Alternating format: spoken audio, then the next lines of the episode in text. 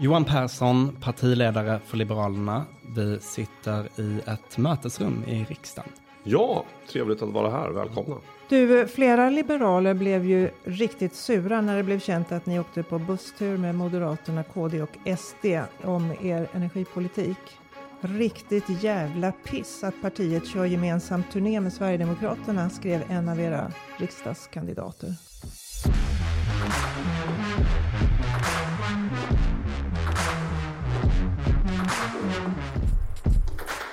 Här är Svenska Dagbladets Utfrågningen med Erik Nilsson och Inger Arnander. Åtta partiledare intervjuas inför valet den 11 september. Tycker Johan Persson att SD-samarbetet är en samvetsfråga? Och vill Liberalerna att EU ska bestämma över svenska skogar? Förstår du den här reaktionen? En av hundratals riksdagskandidater blev sur och tyckte det var ett problem att vi pratade om det faktum att vi har gemensam, ganska bra gemensam samsyn om vikten av ny kärnkraft med eh, tre andra partier, där, däribland Sverigedemokraterna. Jag, jag tyckte det var en kraftfull överreaktion. Hur påverkar den här typen av reaktioner samarbete med SD tror du? Jag tror inte det påverkar så mycket. De flesta är helt medvetna om, både jag och Jimmy Åkesson, att våra respektive partier bildades av egentligen helt motsatta skäl faktiskt. Det var ju en rätt stark reaktion. Varför nästan kanske inte viftar undan, men det var ändå en väldigt stark reaktion. Är den inte representativ tycker du?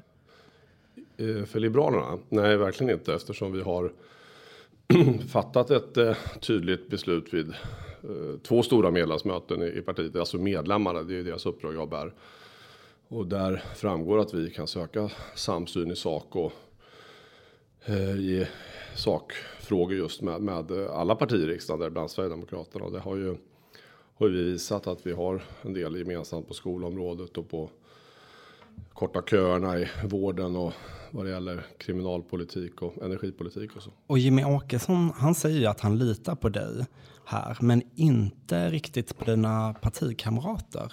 Kan han göra det? Kan han lita på dina partikamrater? Eh, ja, det tycker jag han kan göra. Han kan lita på Liberalernas medlemmar. Det är liksom, jag ser hur alla våra duktiga kandidater på alla nivåer, inte minst i riksdagen runt om i landet, kämpar stenhårt för att fullfölja den linje som Liberalernas medlemmar lagt fast. Eh, sen om det är någon enskild som tycker att den är fel, eh, ja då får man ju tycka det, men det är ju partiets linje som gäller. För det kan ju bli väldigt jämnt i riksdagen ja. som eh, den här mandatperioden. Hur ska du försäkra dig om att det inte finns enskilda ledamöter från Liberalerna som förhindrar ett maktskifte eller vad man ska säga?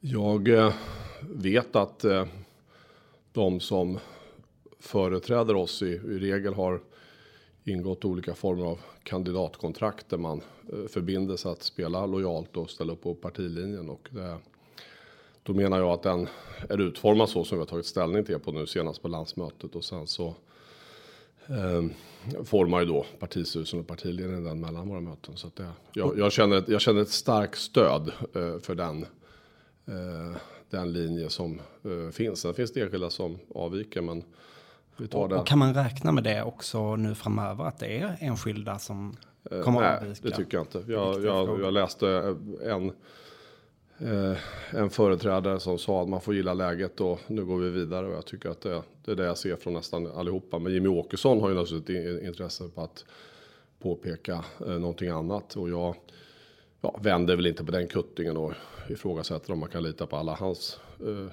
partiföreträdare. Det brukar ju sluta en eh, då och då av olika skäl.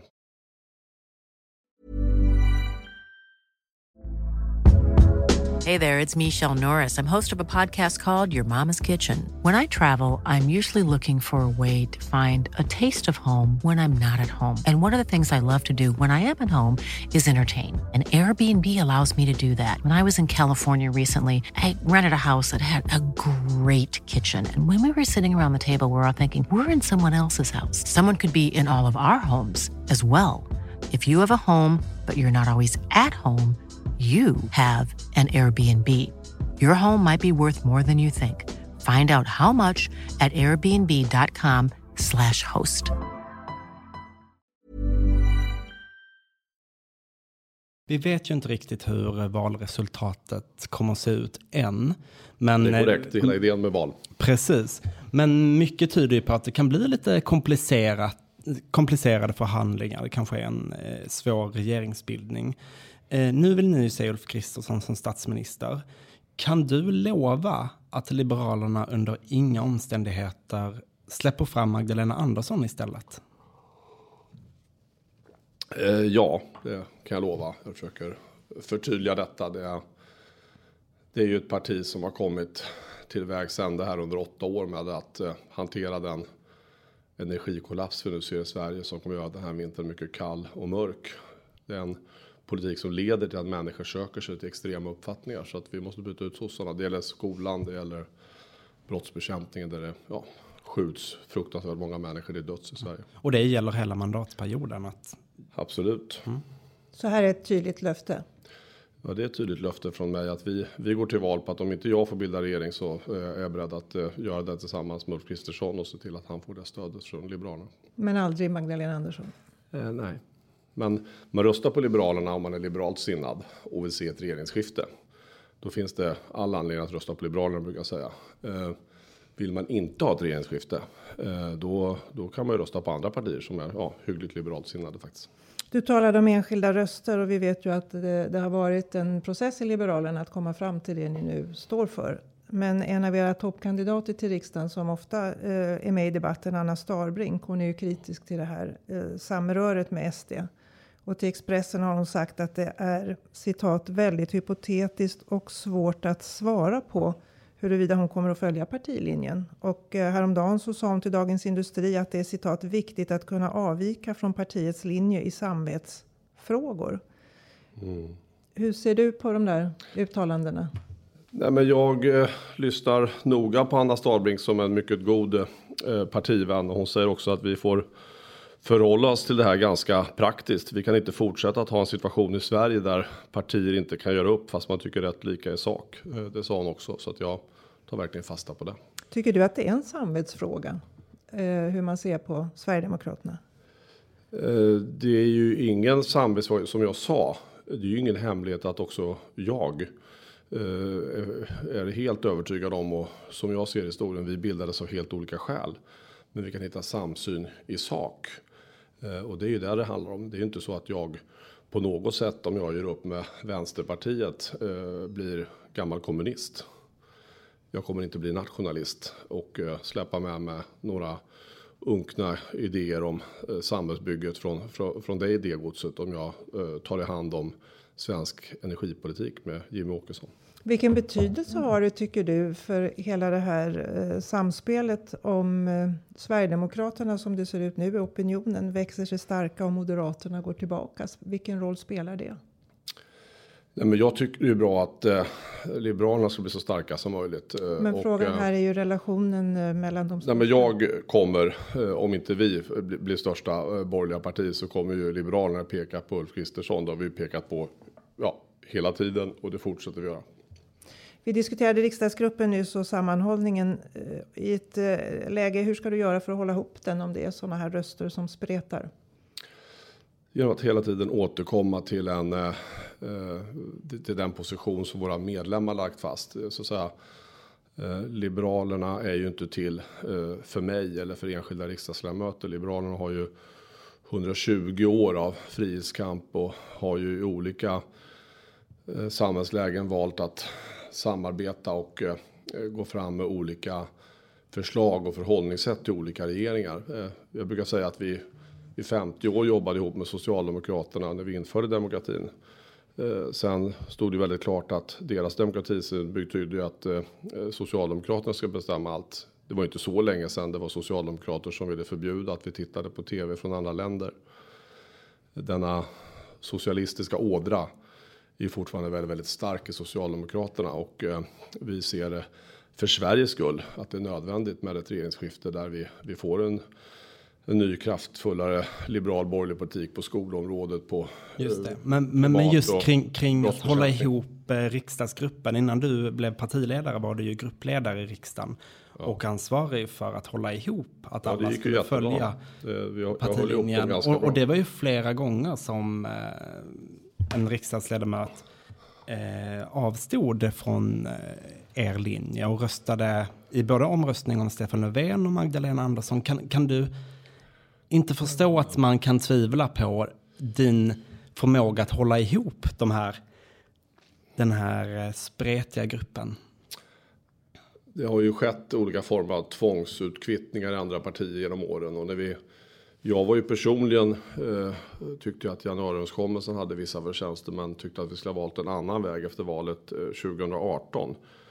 Men eftersom jag har mitt uppdrag från partiets medlemmar då och idag, jag har haft över 20 år faktiskt, eh, så följer jag partiets linje. Mm.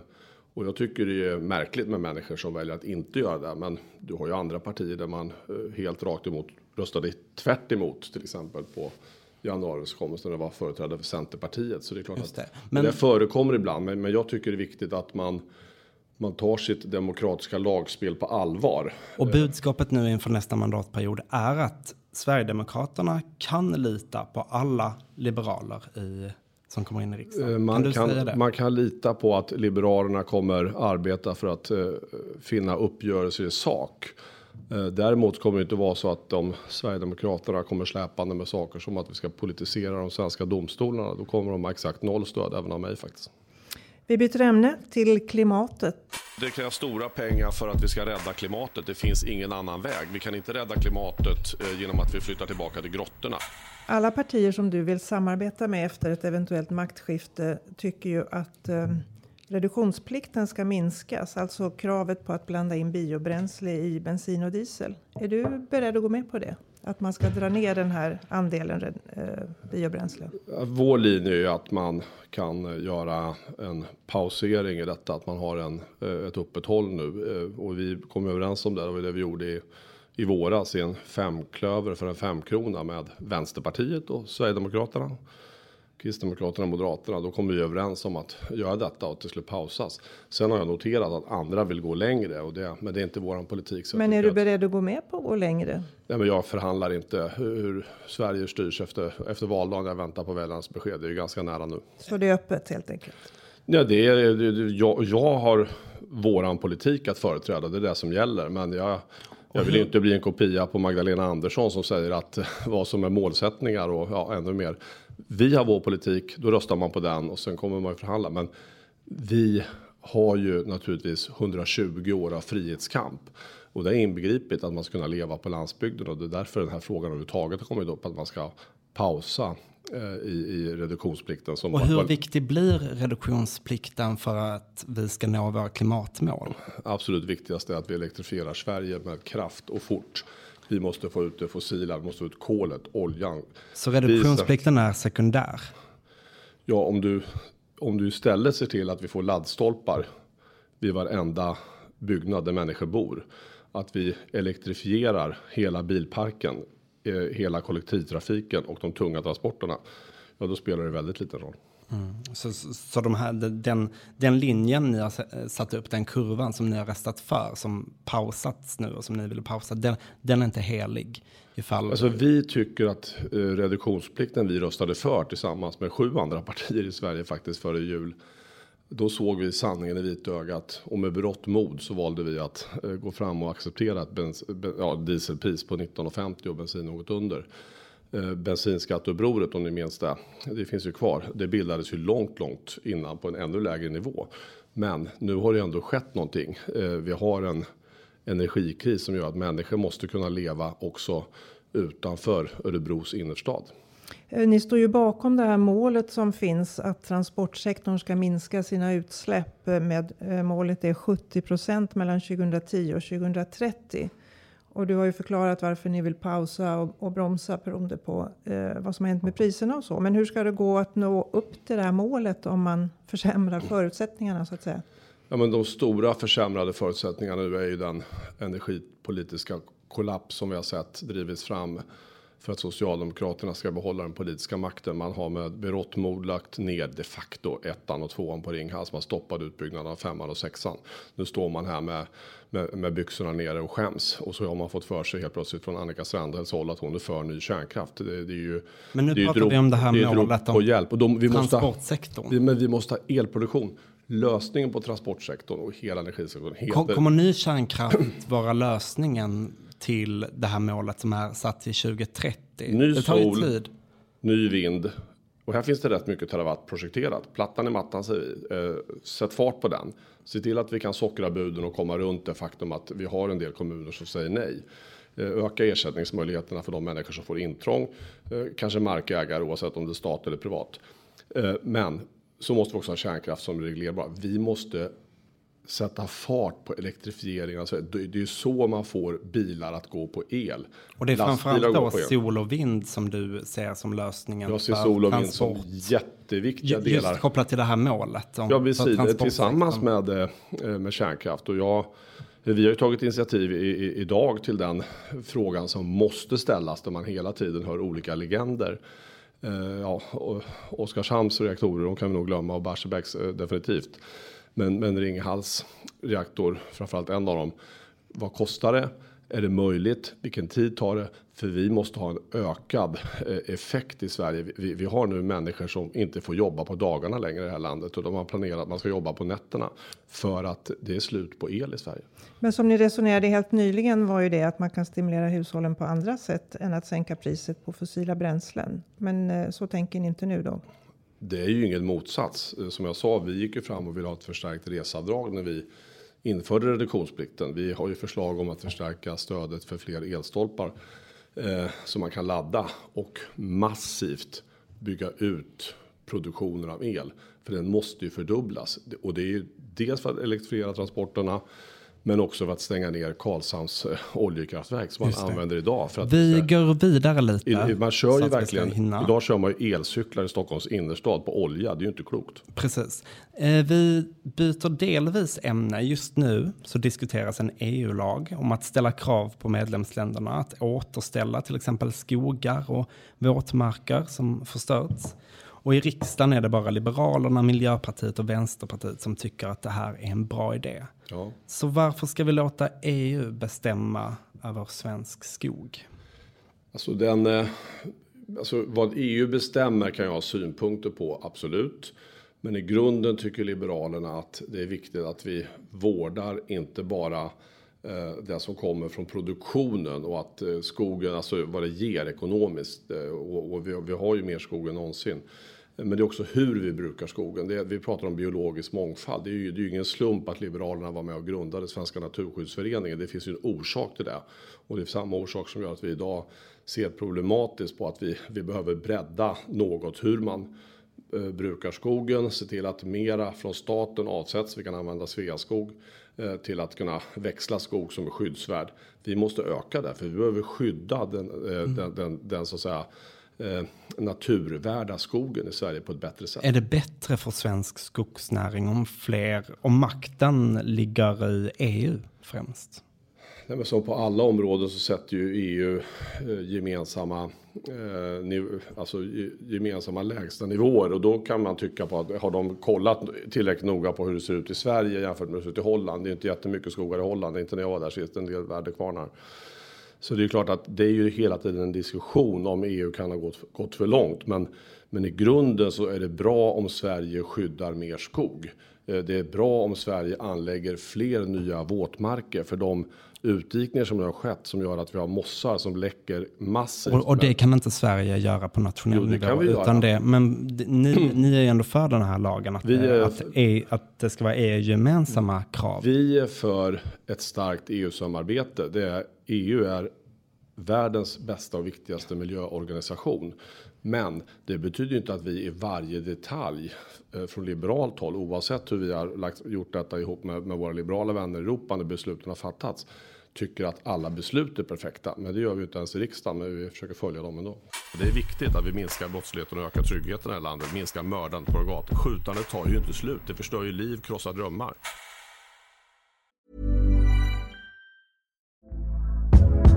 Hey there, it's Michelle Norris. I'm host of a podcast called Your Mama's Kitchen. When I travel, I'm usually looking for a way to find a taste of home when I'm not at home. And one of the things I love to do when I am at home is entertain. And Airbnb allows me to do that. When I was in California recently, I rented a house that had a great kitchen. And when we were sitting around the table, we're all thinking, we're in someone else's house. Someone could be in all of our homes as well.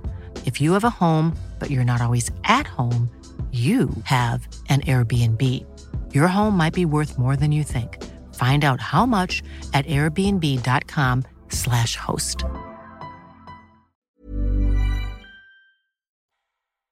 Till sist då, eh, Liberalerna tycker ju att polisen ska få avlyssna, eventuellt göra husrannsakan också, även hos människor som inte är misstänkta för några brott. Det går ju att göra idag när det är väldigt allvarliga brott, terroristbrott. Men eh, det finns ju förslag om det här. Varför tycker ni att det kan vara en bra idé?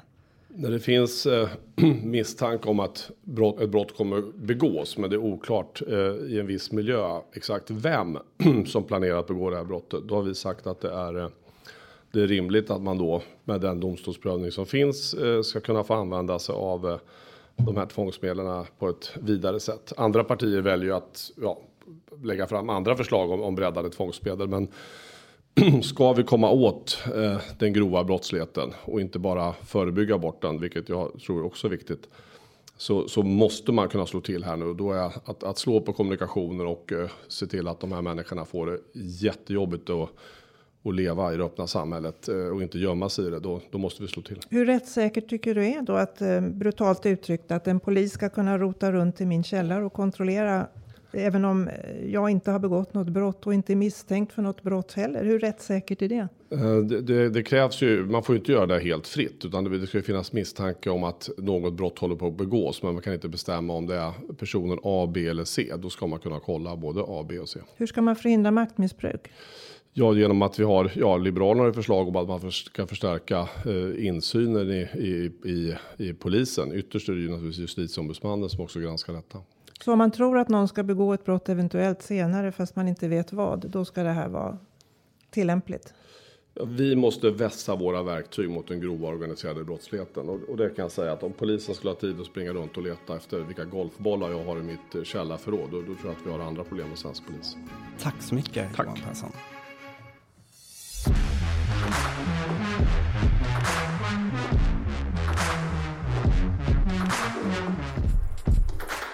Var en podd från Svenska Dagbladet. Producent var jag, Martina Pierrot. Exekutiv producent var Erik Hedtjärn. Ansvarig utgivare är Anna Kareborg. Prenumerera på Politiken i din podcast-app för att lyssna på fler partiledarutfrågningar.